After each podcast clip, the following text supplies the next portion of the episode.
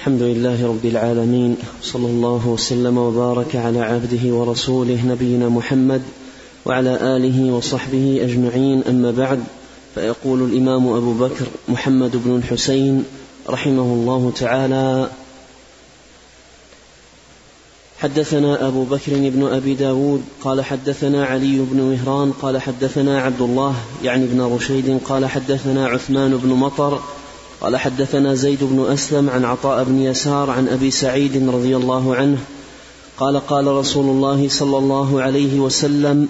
ما مجادلة أحدكم يكون له الحق على صاحبه أشد من المؤمنين لربهم عز وجل من إخو أشد من المؤمنين لربهم عز وجل في إخوانهم الذين دخلوا النار يقولون ربنا إخواننا الذين كانوا يصلون معنا ويصومون معنا ويحجون ادخلوا, أدخل النار قال الله عز وجل اذهبوا فأخرجوا من عرفتم فيخرجونهم ثم يقول الله عز وجل أخرجوا من كان في قلبه مثقال دينار من إيمان حتى يقول نصف مثقال حتى يقول خردله حتى يقول ذره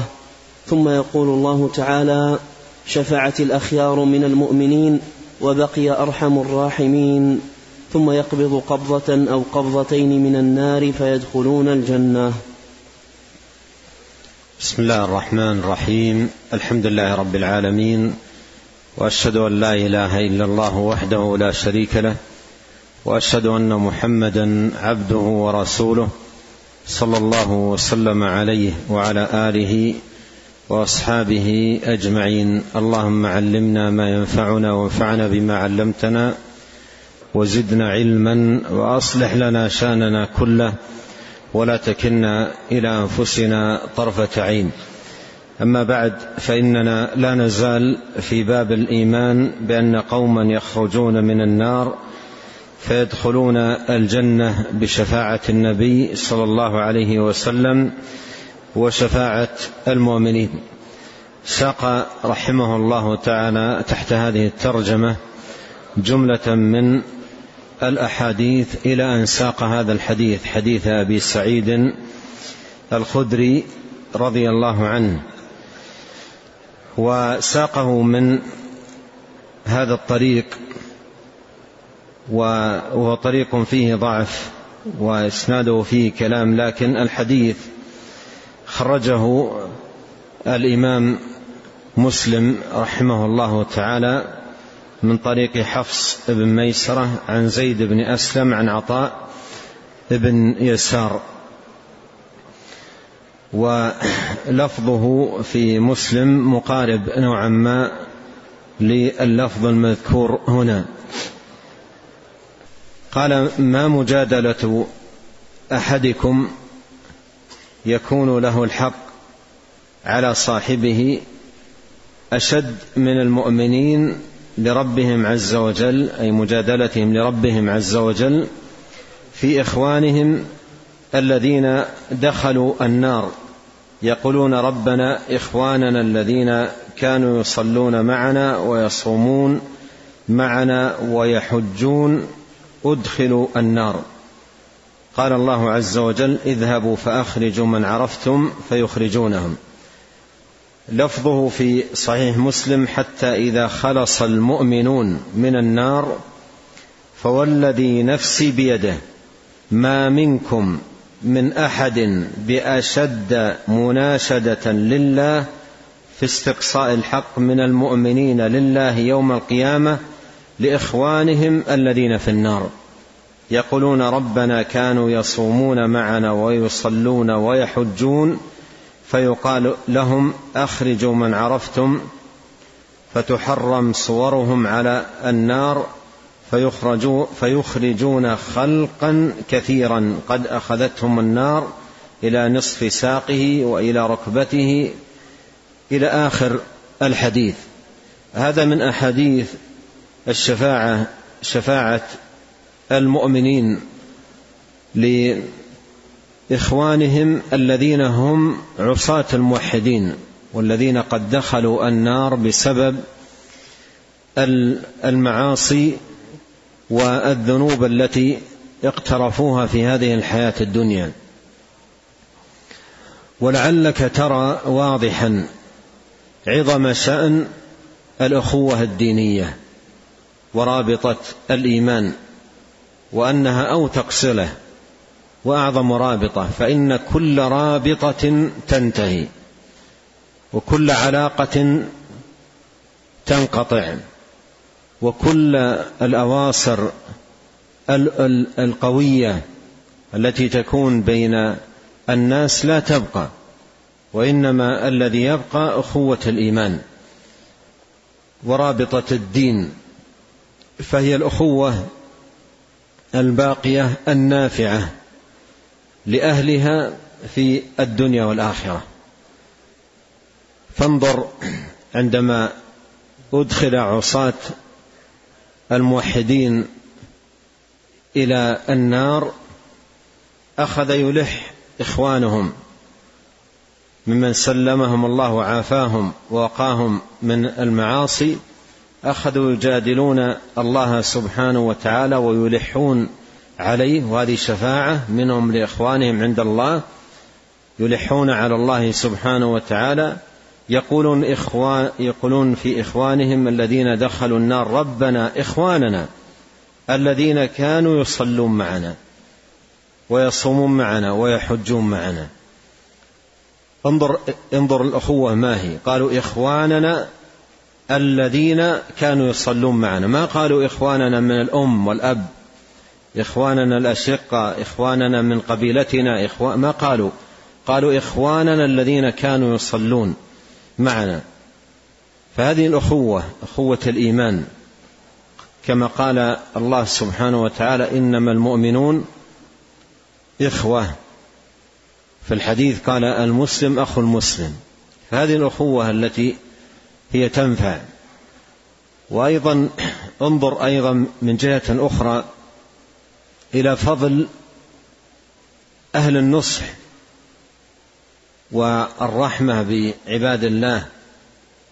والدعوه لهم الى الخير والحرص على انقاذهم من سخط الله سبحانه وتعالى فان سبحان الله من كان حريصا على إنقاذ الناس من النار في هذه الحياة الدنيا دعوة وشفقة عليهم وتخويفا لهم وتذكيرا لهم بالله سبحانه وتعالى يكافئه الله يوم القيامة بأن يبقى له هذا الحرص شفاعة لإخوانه عند الله سبحانه وتعالى بأن يخلصهم من النار وعكس ذلك تماما من كان والعياذ بالله مؤذيا للناس بلسانه طعنا وسبا ووقيعه وشتما ولعنا لم يسلموا من اذاه في الدنيا لا يكون يوم القيامه اهلا ان يشفع لهم عند الله سبحانه وتعالى لانهم في الدنيا ما سلموا منه لم يسلموا في الدنيا من اذاه من لسانه من طعنه من لعنه ولهذا جاء في الحديث الصحيح عن نبينا صلى الله عليه وسلم قال إن الطعانين واللعانين لا يكونون شهداء ولا شفعاء يوم القيامة ليسوا أهل لذلك ليسوا أهلا لذلك لكن الشخص الرحيم بالناس الحريص على هدايتهم الناصح لهم القائل لهم دوما اتقوا الله اتقوا النار اتقوا سخط الجبار حريص على عودتهم إلى آه، إلى الله حريص على تركهم للمعاصي والذنوب هذا الحرص يبقى كما انه حريص على انقاذهم في الدنيا من سخط الله بدلالتهم الى الحق والهدى يبقى هذا الحرص ويكافئه الله سبحانه وتعالى يوم القيامه بان يكون شفيعا لهؤلاء عند الله سبحانه وتعالى كما هو واضح في هذا الحديث يقولون ربنا إخواننا الذين كانوا يصلون معنا ويصومون معنا ويحجون معنا ادخلوا النار ومعنى ادخلوا النار أي بسبب المعاصي والآثام التي اقترفوها في هذه الحياة الدنيا فأوجبت دخولهم النار يوم القيامة وعرفنا فيما سبق أن دخول هؤلاء العصاة للنار انما هو دخول تطهير وتنقيه بخلاف دخول الكافر للنار الكافر دخوله للنار دخول تخليد وتأبيد لأن خبث الشرك لا تطهره النار خبث الشرك والكفر بالله سبحانه وتعالى لا تطهره النار وانما هو خبث متجدر متاصل في المرء فيبقى في النار ابد الاباد كما قال الله سبحانه وتعالى والذين كفروا لهم نار جهنم لا يقضى عليهم فيموتوا ولا يخفف عنهم من عذابها كذلك نجزي كل كفور كذلك نجزي كل كفور وهم يصطرخون فيها ربنا اخرجنا نعمل صالحا غير الذي كنا نعمل اولم نعمركم ما يتذكر فيه من تذكر وجاءكم النذير فذوقوا فما للظالمين اي الكافرين من نصير اذ المراد بالظلم هنا آه، الكفر بالله سبحانه وتعالى كما قال الله والكافرون هم الظالمون الحاصل ان هذا الحديث فيه اثبات الشفاعه شفاعه المؤمنين مثل ما بوب المصنف رحمه الله شفاعه الانبياء وشفاعه المؤمنين فهذا فيه شفاعه المؤمنين لاخوانهم لاخوانهم اي في الايمان اخوانهم في الايمان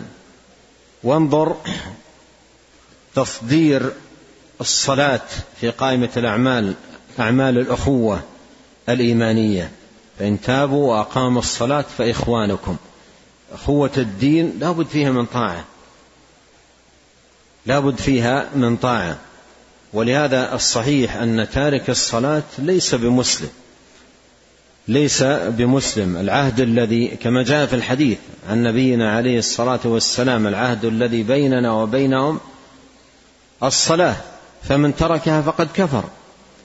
العهد الذي بيننا وبينهم الصلاه فمن تركها فقد كفر ما سلككم في سقر قالوا لم نكن من المصلين ما كنا نصلي هذا هو السبب لم نكن من المصلين فالحاصل ان هذه الاخوه اخوه الدين ايضا انتبه قوله يصلون معنا هذا يستفاد منه فائده جليله جدا عظيمه مهمه في باب الصلاه ان الرجال صلاتهم معا في بيوت الله سبحانه وتعالى الرجل يصلي مع الرجال في المساجد يصلون معنا الرجل يصلي مع الرجال في المساجد الصلوات الخمس هذا الرجوله مثل ما قال الله في بيوت اذن الله ان ترفع ويذكر فيها اسمه يسبح له فيها بالغدو والاصال ماذا رجال الآن إذا أرادوا أن يتحدثوا عن الرجولة ويملأ الواحد يده يقول رجل فلان رجل الرجولة في الصلاة الذي يصلي مع أنثاه في البيت زوجه ولا بنته ولا أمه وين الرجولة والرجال في المساجد يصلون أما الذي لا يصلي أصلا دعك من هذا هذا خارج من الدائرة أصلا العهد الذي بيننا وبينهم الصلاة فمن تركها فقد كفر لكن إذا كان يؤذن في بيوت الله سبحانه وتعالى التي رفعت من أجل أن يأتي الرجال يصلوا فيها مثل ما في الآية المتقدمة ثم يبقى الرجل بدون عذر إن كان معذورا لا حرج من سمع النداء فلم يجب فلا صلاة له إلا من عذر إذا كان معذور مريض لا حرج عليه لكن صحيح ومعافى ثم يؤذن للصلاة في المسجد ويجلس مع أنثاه في البيت زوجه ولا مع أهله ويصلي في البيت أين هو من هذا الوصف رجال لا تلهيهم تجارة ولا بيع عن ذكر الله وإقام الصلاة ولهذا لما وصفوهم هنا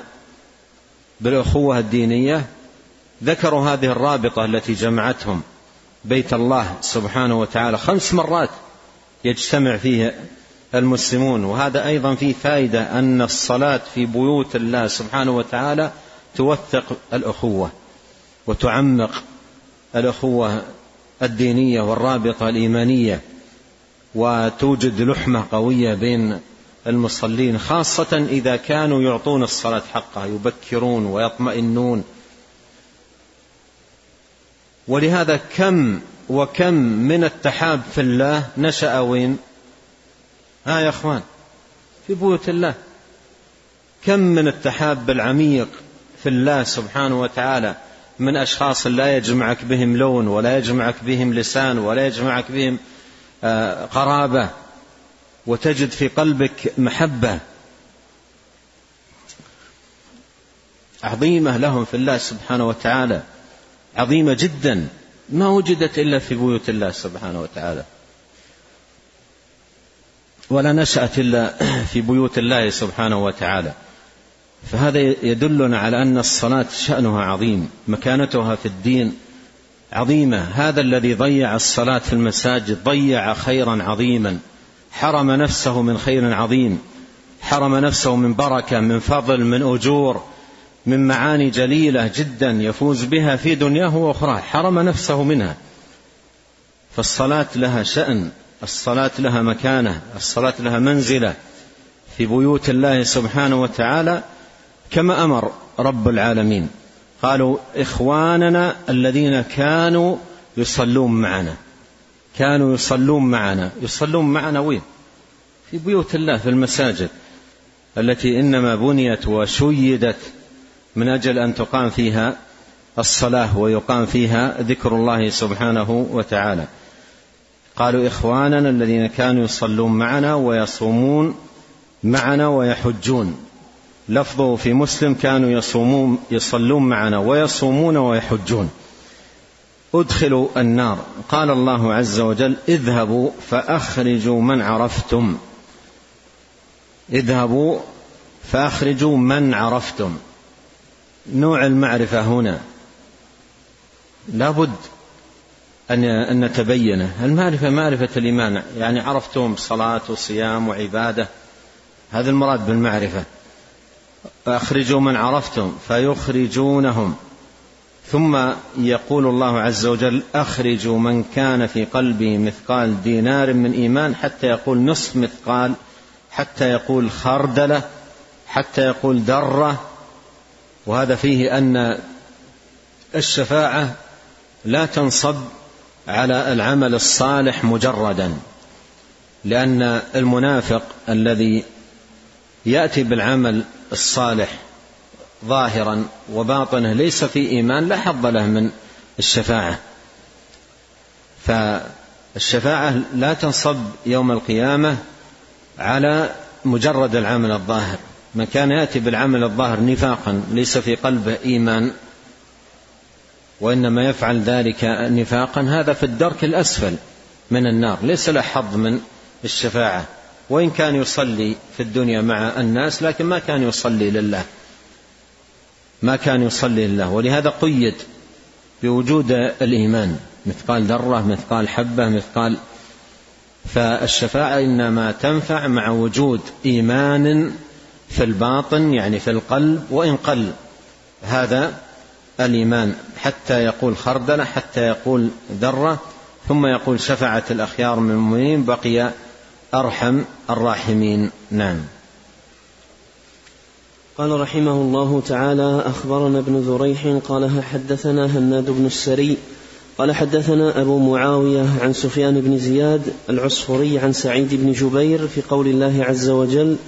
قالوا والله ربنا ما كنا مشركين قال لما امر باخراج من دخل النار من اهل التوحيد فقال من بها من المشركين تعالوا فلنقل لا اله الا الله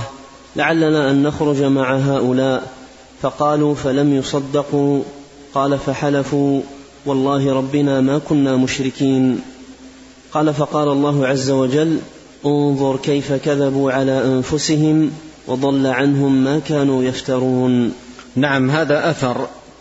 مروي عن سعيد بن جبير رحمه الله تعالى ومن علماء التابعين في تفسير قول الله عز وجل قالوا اي الكفار المشركون والله ربنا ما كنا مشركين ما كنا مشركين يعني لم نكن من أهل الشرك في الدنيا يقسمون بالله بأنهم ما كانوا مشركين والله ربنا ما كنا مشركين هذا قسم بالله سبحانه وتعالى أنهم ما كانوا مشركين متى يقول سعيد بن جبير في تفسير لهذه الآية متى كان هذا القسم منهم قال لما أخرج أمر بإخراج من دخل النار من أهل التوحيد من أهل التوحيد يعني عصاة الموحدين وهذا فيه أن أهل التوحيد أهل لا إله إلا الله حقا وصدقا تنفعهم لا إله إلا الله وإن أصابهم ما أصابهم من دخول النار وتعذيب فيها تنفعهم بالخروج من النار لكنها إنما تكون نافعة لهم إذا كانوا قالوها من قلب صدقا اما قول اللسان مع عدم اعتقاد القلب ليس بنافع مر معنا حديث ابي هريره من اسعد الناس بشفاعتك يوم القيامه قال النبي صلى الله عليه وسلم من قال لا اله الا الله خالصا من نفسه او قال من قلبه فهي انما تكون نافعه بالاخلاص وما امروا الا ليعبدوا الله مخلصين له الدين ولهذا يقال لكلمة التوحيد كلمة الإخلاص لأنها لا تنفع إلا بالإخلاص ولهذا دبر كل صلاة شرع لنا أن نهلل ثلاث تهليلات لا إله إلا الله وحده لا شريك له له الملك وله الحمد وعلى كل شيء قدير لا حول ولا قوة إلا بالله لا إله إلا الله ولا نعبد إلا إياه له النعمة وله الفضل وله الثناء الحسن لا اله الا الله مخلصين له الدين ولو كره الكافرون نكررها كل يوم دبر كل صلاه لان لا اله الا الله لابد فيها من اخلاص لا اله الا الله مخلصين له الدين ولو كره الكافرون ولهذا يقال لها كلمه الاخلاص فالحاصل ان انه عندما يخرج هؤلاء عصاه الموحدين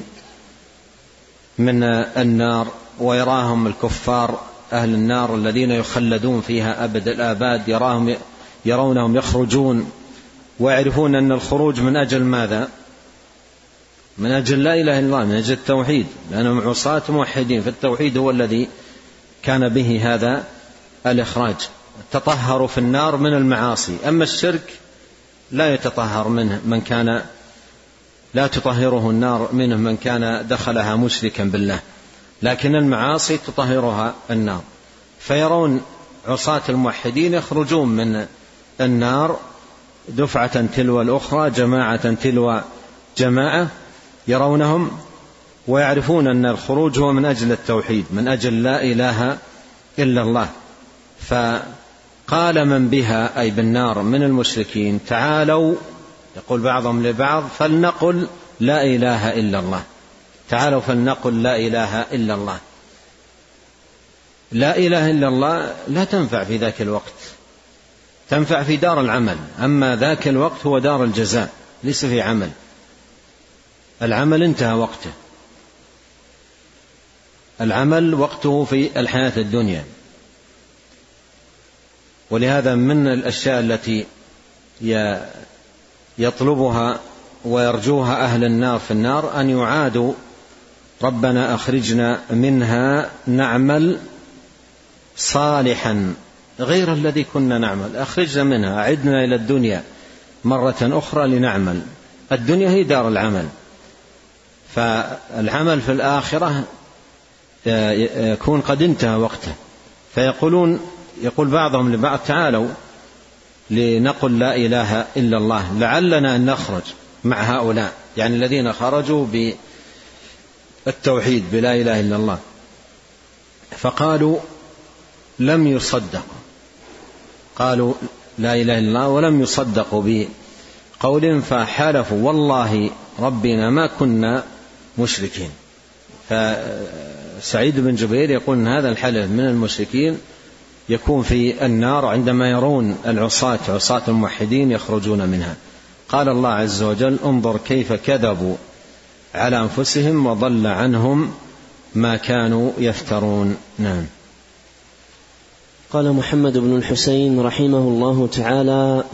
وقد روي من غير وجه أن النبي صلى الله عليه وسلم يشفع يوم القيامة لجميع ذرية آدم عليه السلام من الوحدين بأن يخرج من النار بأن يخرج من النار كل موحد ثم يشفع آدم عليه السلام ثم الأنبياء ثم الملائكة ثم المؤمنون فنعوذ بالله ممن يكذب بهذا لقد ضل ضلالا بعيدا وخسر خسرانا مبينا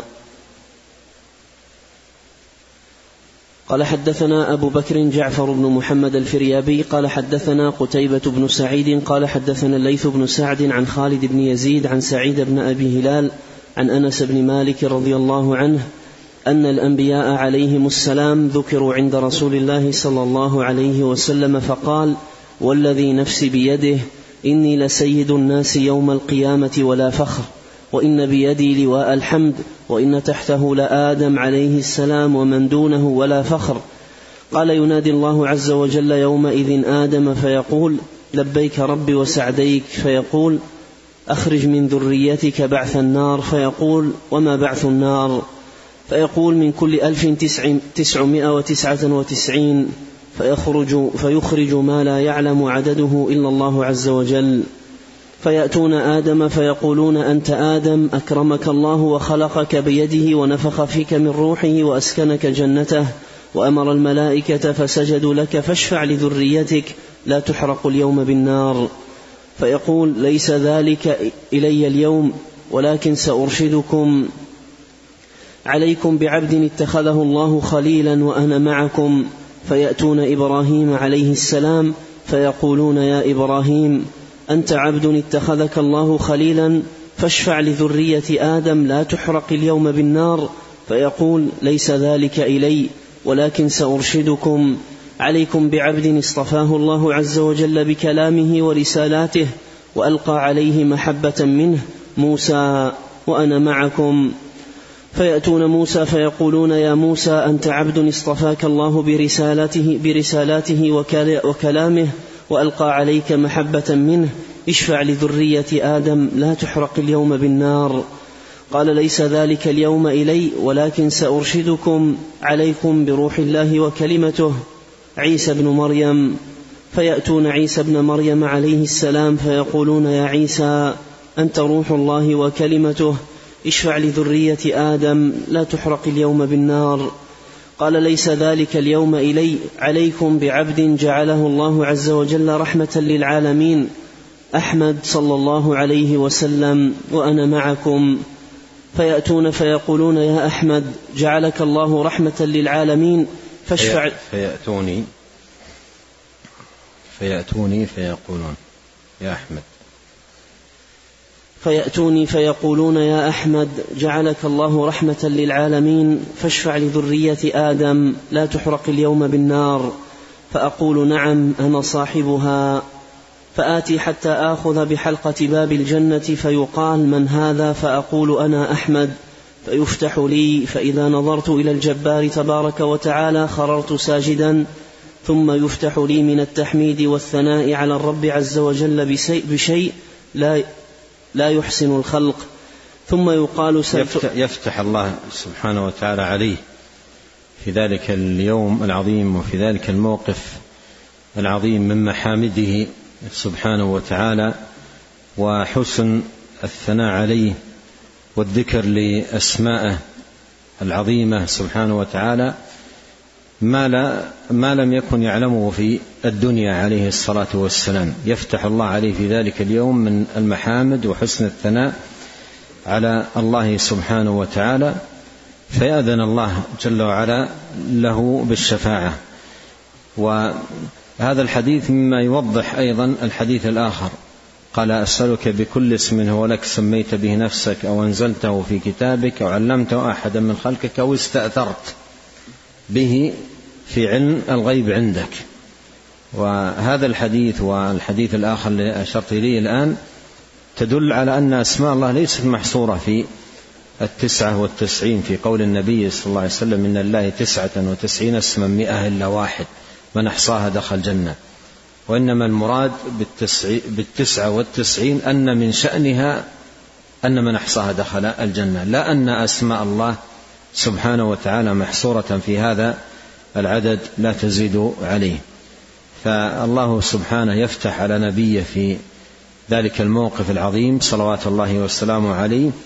بمحامد وثناء على الرب سبحانه وتعالى ثم يقول الله له نعم ثم يفتح لي من التحميد والثناء على الرب عز وجل بشيء لا يحسن الخلق ثم يقال سل تعطاه واشفع تشفع فأقول يا رب ذرية آدم لا تحرق اليوم بالنار فيقول اذهبوا فمن وجدتم في قلبه مثقال دينار من إيمان فأخرجوه ثم يعودون إلي فيقولون ذرية آدم لا تحرق اليوم بالنار فآتي حتى آخذ بحلقة, بحلقة باب الجنة فيقال من هذا فأقول أحمد فيفتح لي فإذا نظرت إلى الجبار تبارك وتعالى خررت ساجدا فأسجد مثل سجودي أول مرة ومثله معه فيفتح لي من الثناء على الله عز وجل والتحميد مثل ما فتح لي أول مرة فيقال ارفع رأسك وسل تعطه واشفع تشفع فأقول يا رب ذرية آدم لا تحرق اليوم بالنار فيقول أخرجوا له من كان في قلبه مثقال قيراط من إيمان ثم, ثم يعودون إلي فآتي حتى أصنع كما صنعت فإذا نظرت إلى الجبار عز وجل خررت ساجدا فأسجد كسجودي أول مرة ومثله معه ويفتح لي من الثناء والتحميد مثل ذلك ثم يقال سل تعطه واشفع تشفع فأقول يا رب ذرية آدم لا تحرق اليوم بالنار فيقول اذهبوا فمن وجدتم في قلبه مثقال ذرة من إيمان فأخرجوه فيخرج, فيخرج فيخرجون ما لا يعلم عدتهم إلا الله, إلا الله عز وجل ويبقى أكثرهم ثم يؤذن لآدم بالشفاعة فيشفع لعشرة آلاف ألف ثم يؤذن للملائكة والنبيين فيشفعون حتى إن المؤمن ليشفع لأكثر من ربيعة ومضر قال وأخبرنا أبو عبيد, أبو, أبو عبيد علي بن الحسين بن حرب القاضي قال حدثنا أبو الأشعث أحمد بن المقدام قال حدثنا المعتمر بن سليمان قال سمعت أبي يحدث عن قتادة عن أنس رضي الله عنه عن النبي صلى الله عليه وسلم قال يأتي المؤمنون آدم يوم القيامة وذكر الحديث بطوله نحو من حديث الفريابي ولهذا الحديث طرق ساق هنا في خاتمة هذا الباب هذا الحديث آه، الطويل حديث أنس في ذكر الشفاعة وإتيان الناس إلى الأنبياء بدءا بآدم عليه السلام وكل نبي يأتونه يحيلهم إلى الآخر ويذكر من مكانة الآخر ومنزلته عند الله عز وجل ما يجعله سببا لإحالتهم إليه وكل نبي يحيل إلى آخر إلى أن يحيلهم عيسى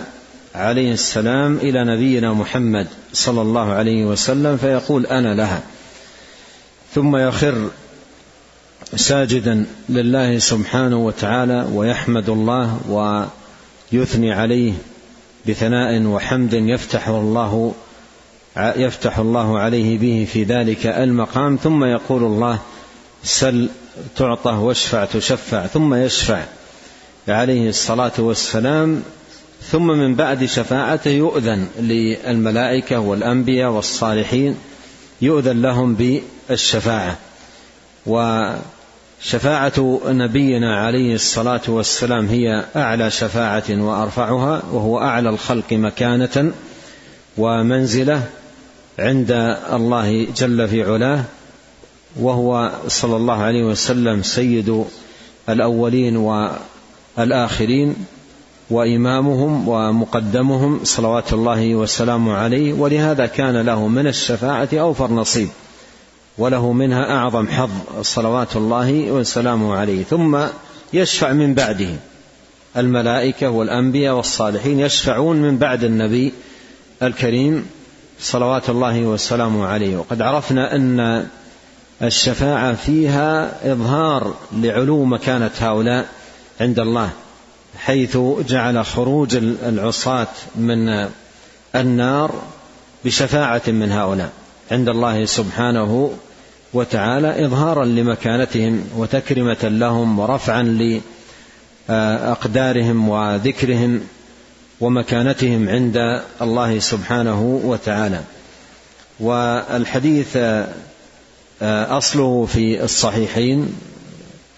بإسناد آخر ولفظ آخر مقارب نوعا ما لما هنا عند المصنف وهو من جملة الأحاديث آه، الصحيحه الثابته الداله على ثبوت الشفاعه شفاعه النبي الكريم عليه الصلاه والسلام وشفاعه ايضا الملائكه وشفاعه النبيين وشفاعه المؤمنين لاخوانهم من العصاه عند الله سبحانه وتعالى نسال الله الكريم رب العرش العظيم باسماء الحسنى وصفاته العليا ان يهدينا اجمعين اليه صراطا مستقيما وان يصلح لنا ديننا الذي هو عصمه امرنا وان يصلح لنا دنيانا التي فيها معاشنا وان يصلح لنا اخرتنا التي فيها معادنا وان يجعل الحياه زياده لنا في كل خير والموت راحه لنا من كل شر اللهم اغفر لنا ولوالدينا ولمشايخنا ولولاة أمرنا وللمسلمين والمسلمات والمؤمنين والمؤمنات الأحياء منهم والأموات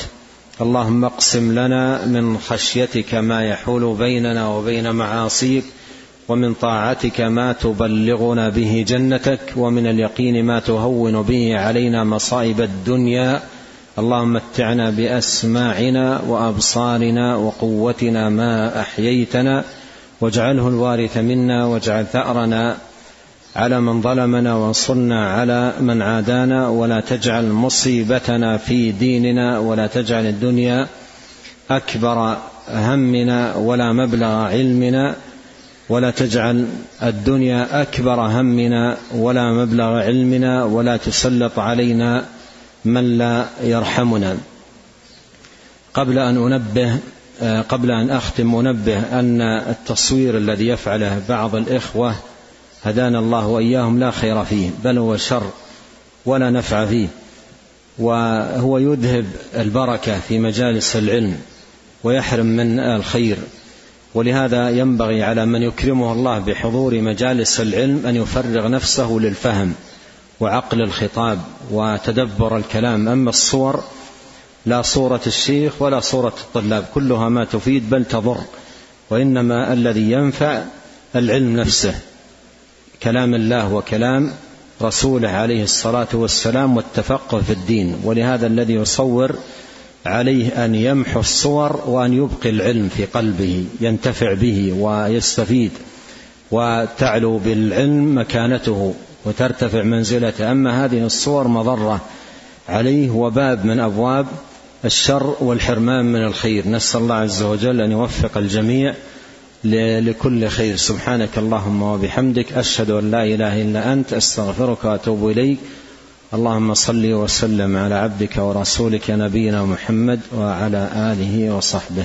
جزاكم الله خيرا